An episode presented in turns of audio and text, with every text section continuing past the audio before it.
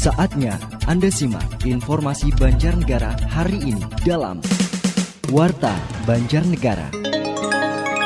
Apa kabar mitra? Inilah Radio Suara Banjarnegara kembali menghadirkan informasi aktual serta informasi penting lainnya yang terangkum dalam Warta Banjarnegara. Edisi hari Rabu 13 Oktober 2021.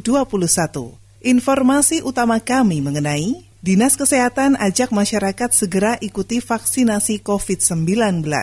Bulan dana PMI tahun 2021 ditarget mencapai 804 juta rupiah. Berita selengkapnya disampaikan oleh Astrid Sarasvati.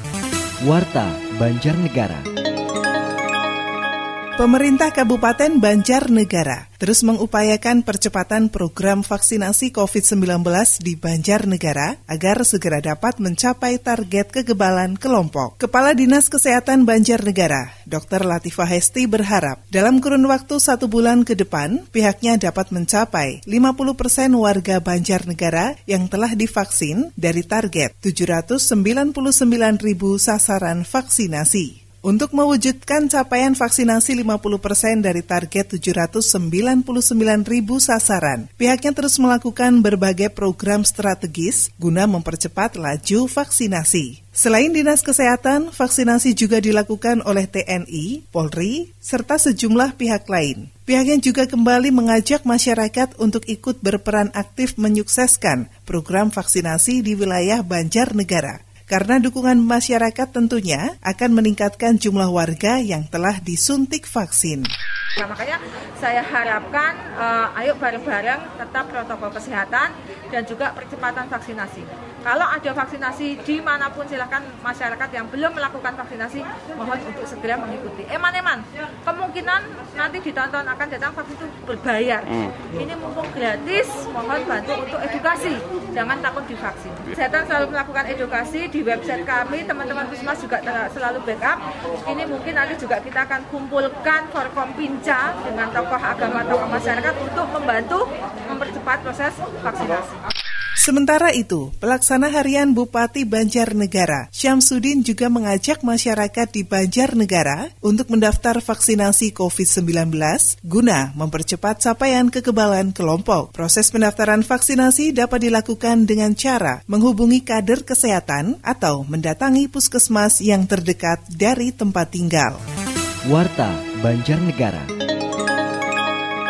Kabupaten Banjarnegara merupakan salah satu kabupaten sentra penghasil ikan air tawar. Kawasan pembudidaya ikan di Banjarnegara ada di lima kecamatan yang masuk dalam kawasan Raja Purbawa, yaitu Kecamatan Mandiraja, Purwanegara, Rakit, Bawang, dan Wanadadi. Kepala Dinas Pertanian dan Perikanan Banjarnegara, Toto Setiawinarna mengatakan, budidaya perikanan di Banjarnegara terus berkembang. Pemerintah kabupaten juga selalu memfasilitasi dan memberikan bantuan permodalan kepada para pembudidaya ikan di daerah sentra perikanan. Dan saat ini, budidaya perikanan di Banjarnegara terus berkembang. Namun, diakui mahalnya harga pakan ikan saat ini menjadi kendala tersendiri bagi para pembudidaya ikan di Banjarnegara. Karena itu, ke depan Pemkab Banjarnegara akan berupaya untuk memberikan bantuan berupa alat atau mesin untuk membuat pakan ikan, agar para pembudidaya perikanan dapat memproduksi pakan ikan sendiri sehingga tidak tergantung pada pakan ikan pabrikan.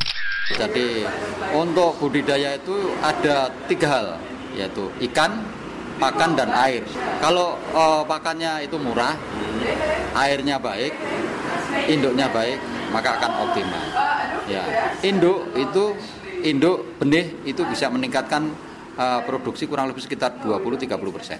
Apalagi kalau pakan, ya itu tadi orang lebih cenderung menggunakan pabrik pakan, ya hasil pabrik pakan dan harganya itu mahal. Menurutnya, keberhasilan pengembangan kawasan Minapolitan menjadi suatu kawasan industrialisasi tidak terlepas dari peran serta pemerintah daerah dalam mengembangkan potensi yang dimiliki dengan bekerja sama dan berkoordinasi secara lintas sektoral. Warta Banjarnegara. Mitra, masih bersama saya, Astrid Sarasvati, dalam Warta Banjarnegara. Berita selanjutnya, Penghimpunan Dana Kemanusiaan atau Bulan Dana PMI Kabupaten Banjarnegara tahun 2021 ditarget mencapai 804 juta rupiah. Target tersebut disampaikan dalam pencanangan bulan dana PMI Kabupaten Banjarnegara tahun 2021. Sekretaris Daerah dan juga Ketua Panitia Bulan Dana PMI Banjarnegara, Indarto mengatakan, target pencapaian bulan dana PMI tahun ini mengacu dari pendapatan bulan dana PMI tahun 2019 yang mencapai 998 juta rupiah. Angka tersebut jauh berbeda dengan bulan dana PMI tahun 2020 yang hanya menyasar sektor pegawai dengan berhasil mengumpulkan 218 juta rupiah. Menurutnya, untuk tahun ini pengumpulan dana dilakukan selama tiga bulan, terhitung sejak 1 September hingga 30 November 2021. Namun, apabila target belum terpenuhi sampai batas waktu yang ditentukan, maka akan diperpanjang hingga satu bulan. Dijelaskan, bulan dana PMI ini merupakan satu upaya untuk meningkatkan kesetiakawanan sosial masyarakat. Penggalangan dana ini juga bagian dari upaya meringankan penderitaan sesama, membantu korban bencana, pelayanan kesehatan hingga pembinaan dan kegiatan program PMI satu tahun ke depan. Sementara itu, pelaksana harian Bupati Banjarnegara Syamsuddin mengatakan, Sepak terjang dan peran serta kiprah PMI sudah tidak diragukan dan sangat dirasakan manfaatnya oleh masyarakat. Bahkan, PMI selalu siaga 24 jam melayani masyarakat dan membantu pemerintah dalam pelayanan sosial kemanusiaan. Warta Banjarnegara. Pengurus Dewan Pimpinan Daerah DPD Partai Nasdem Kabupaten Banjarnegara periode 2021-2024 resmi dilantik di Hotel Surya Yuda Banjarnegara. Pelantikan pengurus DPD Partai Nasdem dilakukan oleh Ketua DPW Partai Nasdem Jawa Tengah, Setio Maharso. Ketua DPD Nasdem Banjarnegara, Nurul Iptak mengatakan, usai dilantik dirinya bersama dengan jajaran pengurus baru akan bekerja lebih keras lagi untuk mencapai target 10 perolehan kursi DPRD Banjarnegara. Untuk mencapai program tersebut, dirinya langsung melakukan konsolidasi sebagai upaya menyolidkan organisasi termasuk pemberdayaan kader kader-kader partai hingga tingkat desa. Selain itu, melalui program yang ada, Nasdem berharap bisa menjadi partner dalam membangun Banjarnegara ke depan.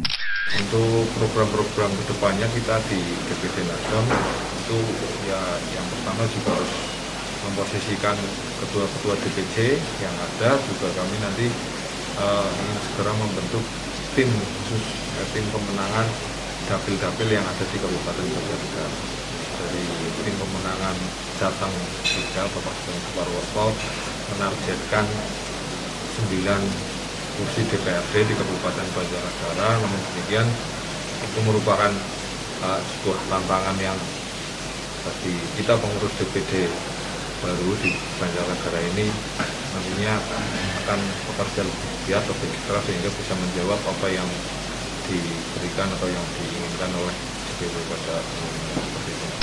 Sementara itu, Ketua DPW Nasdem Jawa Tengah, Setio Maharso mengatakan, pergantian pengurus Partai Nasdem adalah hal yang biasa dilakukan untuk penyegaran. Pihaknya menyampaikan terima kasih kepada Ketua DPD Nasdem Banjarnegara yang lama, yakni Kak Supoyo Raharjo, yang telah mengemban amanah sebagai ketua selama tiga tahun terakhir. Selanjutnya, kepada ketua dan pengurus DPD Nasdem Banjarnegara yang baru dilantik, ia juga meminta untuk langsung bekerja menghadapi pemilu 2024. Nasdem Banjarnegara ditargetkan dapat meraih 10 kursi DPRD. Warta Banjarnegara.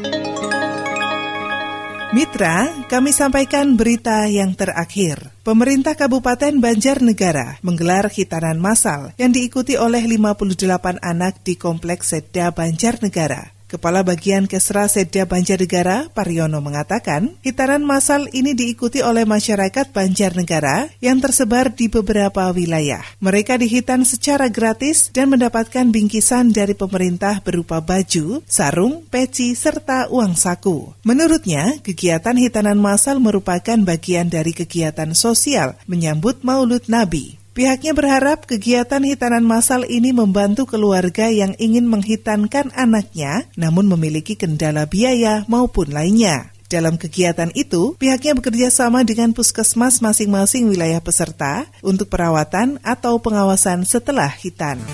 Warta Banjarnegara. Demikian mitra, Warta Banjarnegara kali ini. Akhirnya, mewakili kerabat kerja yang bertugas, saya Astrid Sarasvati mengucapkan terima kasih atas kebersamaannya dan sampai jumpa.